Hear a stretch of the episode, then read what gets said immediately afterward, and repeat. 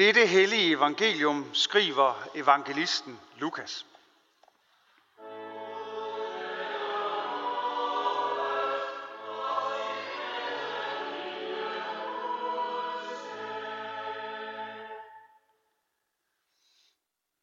Apostlene sagde til Herren, giv os en større tro. Herren svarede, havde I tro som et sennapsfrø, så kunne I sige til dette morbærtræ, ryk dig op med roder og plant dig i havet, og det vil adlyde jer. Hvis en af jer har en tjener, som pløjer eller er hyrde, vil han så sige til ham, når han kommer hjem fra marken, kom straks og sæt sig til bords. Vil han ikke tværtimod sige, lav mad til mig og bind kjorten op om dig og vart mig op, mens jeg spiser og drikker. Bagefter kan du selv spise og drikke. Må han takker tjeneren, fordi han gjorde det, han har fået besked på. Således også I. Når I har gjort det, I har fået besked på, skal I sige, vi er unødige tjenere, vi har kun gjort, hvad vi skulle gøre. Amen.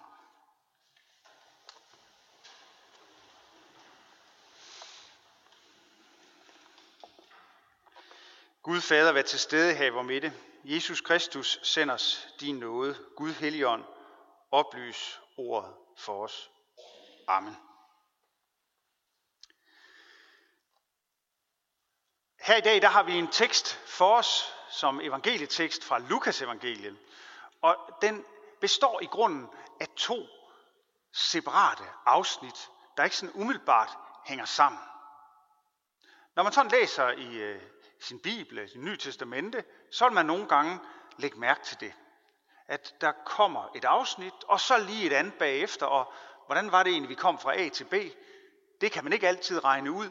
Øh, det har noget at gøre med, at Lukas, der skrev Lukas evangeliet, samt efterfølgende apostlenes gerninger, jo har haft en masse stof, han skulle have med, og har haft mundtlige og skriftlige kilder, han skulle sætte sammen til sit evangelium. Og derfor har han udvalgt nogen, og øh, nogle gange så er der så er nogle af de her små afsnit sådan kommet efter hinanden. Øh, og ikke altid, fordi de kronologisk hænger sammen, men simpelthen bare står sammen, som Lukas nu har redigeret dem sammen. Det er en helt naturlig ting. Sådan øh, er det foregået. Øh, Lukas har nemlig rigtig, rigtig meget på hjerte. Og øh, nu står vi så med de her to forskellige Øh, kan man sige, øh, nærmest sådan klummer i en avis, der står lige efter hinanden med hver sin overskrift. Øh, hvad gør vi ved det? Jo, altså, jeg kan selvfølgelig ignorere det, og så bare prøve at tænke det sammen. Eller jeg kan prøve at tage dem i hvert fald i første omgang, hver for sig, og så se, om vi kan bringe dem i samspil med hinanden.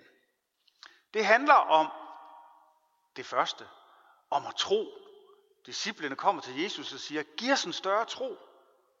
Og så svarer Jesus dem med det her med, hvis I bare havde tro som et sennepsfrø, så kunne I sige til det her morbærtræ, ryk dig op med rode og plant dig i havet. Det er det første afsnit, altså handler om disciplens ønske om større tro, og så Jesu, kan man sige, set fra disciplenes synspunkt, eller apostlens synspunkt, det er det samme i den her sammenhæng, noget nedslående besked, hvis bare I havde tro sådan et sennepsfrø. Og så siger han noget, de slet ikke ville kunne. Få et træ til at flytte sig ud i havet. Men derefter, så er det ligesom så, så kommer der noget nyt. Det handler nemlig om vilkår, når man nogle gange er en tjener. Hvordan er det at være en tjener? Og det er jo det, Jesus så, og der skal vi jo forestille os, det var dengang, det er jo lidt det er jo 2000 år siden. Øh, hvis en af jer har en tjener, der pløjer eller er hyrde, når han så kommer hjem fra marken, så siger I jo ikke til ham, kom der med ind og få noget at spise. Nej, han er jo tjener, så han skal da fortsat varte jer op. I beder ham om at lave mad og sørge for, at I får noget at spise, og derefter så kan han selv gå ud i køkkenet, eller hvor han nu skal, og få noget at spise og drikke. Og som disciplene jo godt kan forstå det, når Jesus fortæller historien, ind i deres tid, så er det da ikke noget, man sådan skal sige tak til tjeneren for, for tjeneren har sådan set bare gjort sit arbejde. Og så slutter han jo med det her med at sige, sådan skal I også gøre. Når I har gjort alt det, I har fået besked på, altså af ham, så skal I sige, vi er unødige tjener, vi har kun gjort, hvad vi skulle gøre. Bum. I alt fald har de her to tekster en ting til fælles, og det er, at øh, disciplene, de så at sige, bliver sat på plads. Men det her er altså umiddelbart ikke sådan nogen logisk sammenhæng mellem det her med, at Jesus taler om, øh, hvad de kunne, hvis de bare havde tro som et sennepsfrø, og så det andet om at være en tjener. Det første, lad os tage det først. Det første afsnit om disciplen, der ønsker en større tro, og Jesus, der taler om, hvis blot de havde tro som et lille særmsfrø, det handler om jo, at tro er ikke en præstation. Tro er ikke noget, de kan bringe frem selv. For de er så ude af stand til at gøre noget, så de ikke engang kan gøre det, præstere den tro, en lille sennepsfrø har. Det fortæller dem noget om, at troen, når de så erfarer den i deres liv, i så høj grad er Guds gave, at man ikke kan betragte det som en anstrengelse eller en evne eller noget, der sådan, jeg har virkelig gjort en indsats for at tro. Det er og bliver en gave. Disciplene har efterspurgt, hvordan de kunne få mere tro, som om troen det var sådan en form for øh, virkemiddel eller et øh, eller brændstof, de sådan kunne måle. Men Jesus vender det om og giver dem, om man så må sige, et gok i nøden. Hvis I overhovedet selv i jer selv havde tro blot i allermindste mål, ja, så ville Guds muligheder være åbne for jer. Med andre ord, det I har er ikke engang et sennepsfrøs tro. Så altså, hvad får de at vide, og hvad får vi at vide?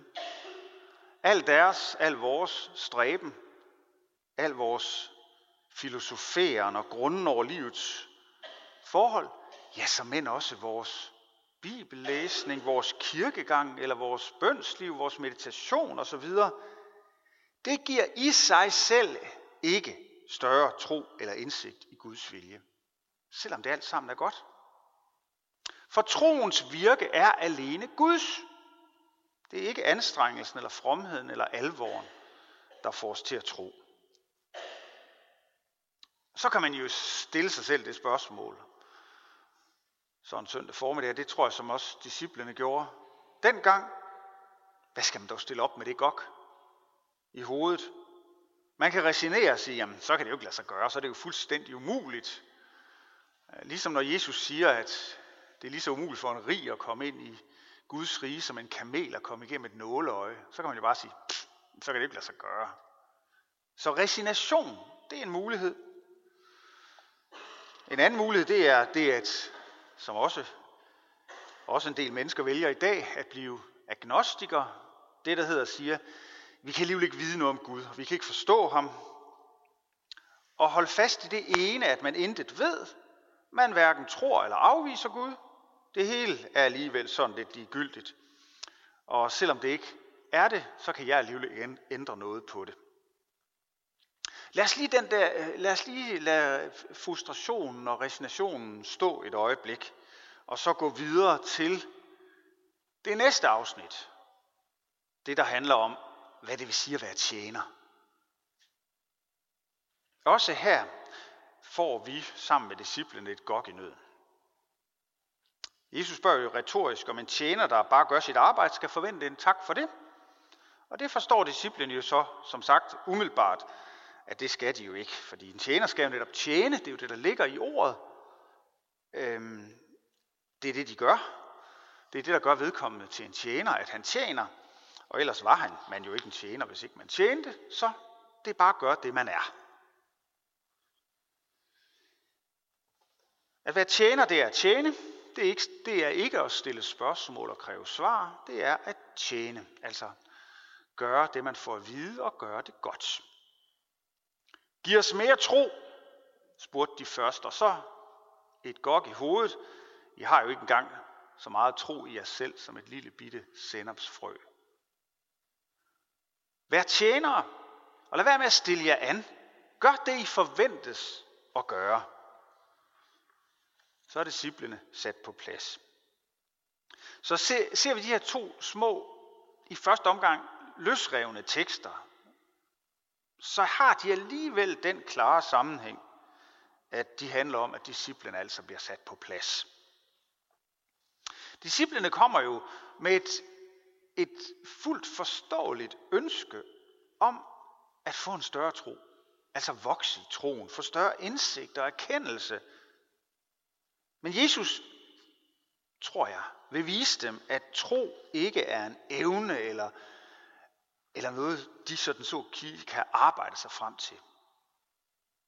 På samme måde er det at følge Jesus og tjene ham og gøre, gå på hans befaling, det er på det samme måde heller ikke noget, der skaffer en en masse fortjeneste eller gør en til noget helt særligt, en form for fortjenstfuld helgen eller sådan et eller andet.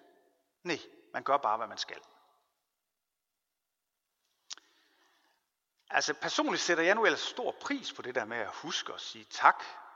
Øh, det synes jeg er vigtigt. Det har jeg også prøvet at lære øh, videre til mine børn. Husk nu at sige tak. Øh, vi lever også i en, en, en kultur, hvor, hvor det faktisk har, har stor betydning, det der med at sige tak. Man lægger mærke til det, hvis ikke der bliver sagt tak. Og, øh, og, og i det helt almindelige daglige liv med hinanden, så siger vi tak en masse gange. Også sådan bare helt rutinemæssigt. Hvis man, øh, altså i en butik, så, så får man på, øh, sin pose, eller hvad man nu, kan det være, man har fravalgt sin pose, men man får sin vare, og så, så siger man tak. Farvel og tak, og, og god weekend, eller hvad man nu siger. Vi siger tak rigtig meget, som sådan small talk tak. Men der er også en masse andre ting, hvor tingene bare er, som de er. Hvor vi ikke render rundt og siger tak hele tiden. Og det er måske sådan nogle eksempler, vi bedre ville kunne forstå. Altså for eksempel, når vi betaler vores skat, så øh, kommer der ikke straks en sms tilbage til os fra staten, hvor der står tusind tak, fordi I betaler jeres skat. Altså, det er bare noget, vi skal. Færdig arbejde. Betal jeres skat. Videre i teksten.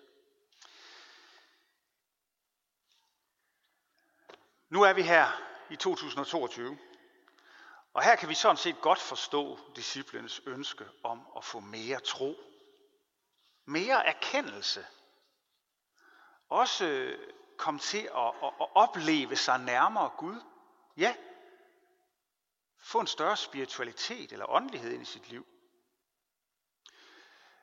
Meget af det kan være godt. Det er også både nødvendigt og givende at blive klogere, at vokse intellektuelt og også vokse i troen. Det er også godt at kunne give sig hen til Gud i bøn. Og det er vel det, kunne man sige, i den her tid, hvor der er tv-udsendelser, der viser, der fortæller om, hvordan, eller prøver at sælge kirkens budskab bedre. Det er vel også den vare, vi skal sælge.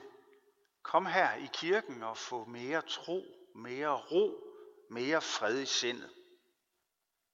Men altså, så kommer man her i dag, og så får man et gok i hovedet i stedet for. For det er ikke alle vores anstrengelser for at tro og leve kristligt og, og så videre. Det er heller ikke vores arbejde med os selv, inde i os selv. Vores arbejde med at erkende verden og Gud og så videre. Vores spirituelle oplevelser med Gud. Det er heller ikke dem, der er afgørende. Det afgørende er at leve i tillid og tro.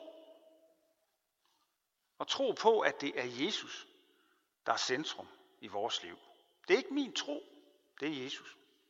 Det er ikke det at opleve Jesus, men at stole på ham.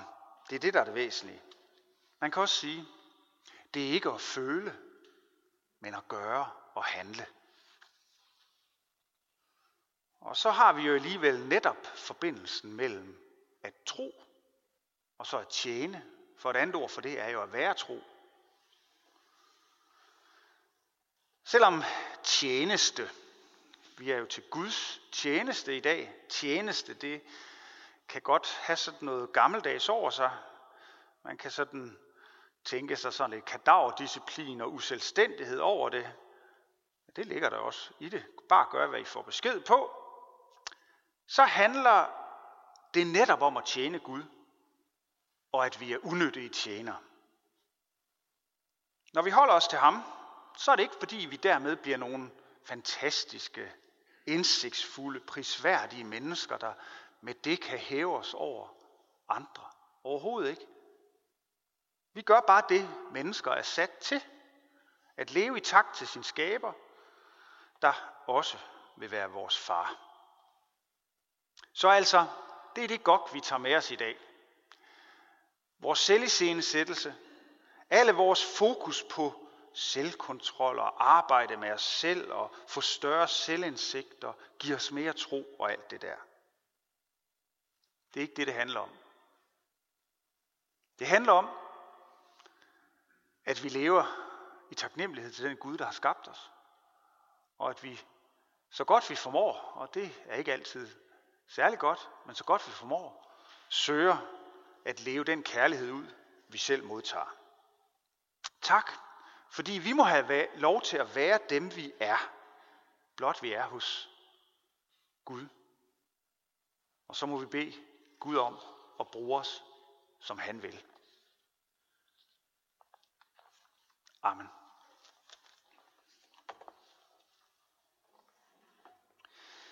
Lov og tak og evig ære være dig, hvor Gud, Fader, Søn og Helligånd, du som var, er og bliver.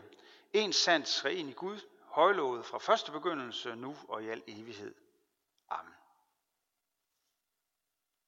Hellig Gud og himmelske Far, vi lover og tilbeder dig, som i godhed har skænket os livet og alt det skaber.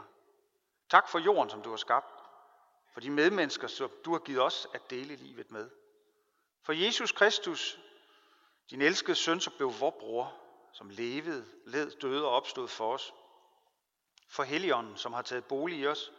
For genfødelsen i dåben for evangeliets lys. Og for dit nærvær og din velsignelse i nadveren. Vi beder dig for din kirke ud over hele jorden, og også her hos os i Herningssogn. Tag ikke nådens og sandhedens ord fra os. Bevar os alle i troen og den indbyrdes kærlighed. Og lad håbet om, at du kommer igen, leve i blandt os. Giv os trofaste ledere og forkynder af dit ord. Forbarm dig over alle, der far vild. Vi beder for dem, der bliver forfulgt, fordi de tror på dig. Ikke mindst i Mellemøsten, men hvor som helst mennesker lider på grund af deres tro. Vi beder om, at dit evangelium må komme ud til alle folkeslag. Vi beder for vores hjem og vores kære, for vores daglige liv med hinanden, i arbejde og i fritiden. Vi beder dig om fred mellem nationerne og for folkenes regeringer. Skab du fred, forsoning og retfærdighed mellem israelere og palæstinensere. Vi beder dig om fred i Ukraine, i Syrien. Ja, vi beder for situationen i Afghanistan. Vi beder for alle de steder på vores klode, at mennesker lever i utrygge vilkår og vendt mod hinanden. Vi beder dig også for Danmark. Bevar os som et folk blandt folkene. Vi beder dig for alle lovlige øvrigheder og for alle med ansvar i vores samfund. For dronning Margrethe og hele det kongelige hus. For regering, folketing, domstole, regionsråd og kommunalbestyrelse. Giv dem troskab og visdom til at forvalte deres magt og viden til værn for de svage og til gavn for alle.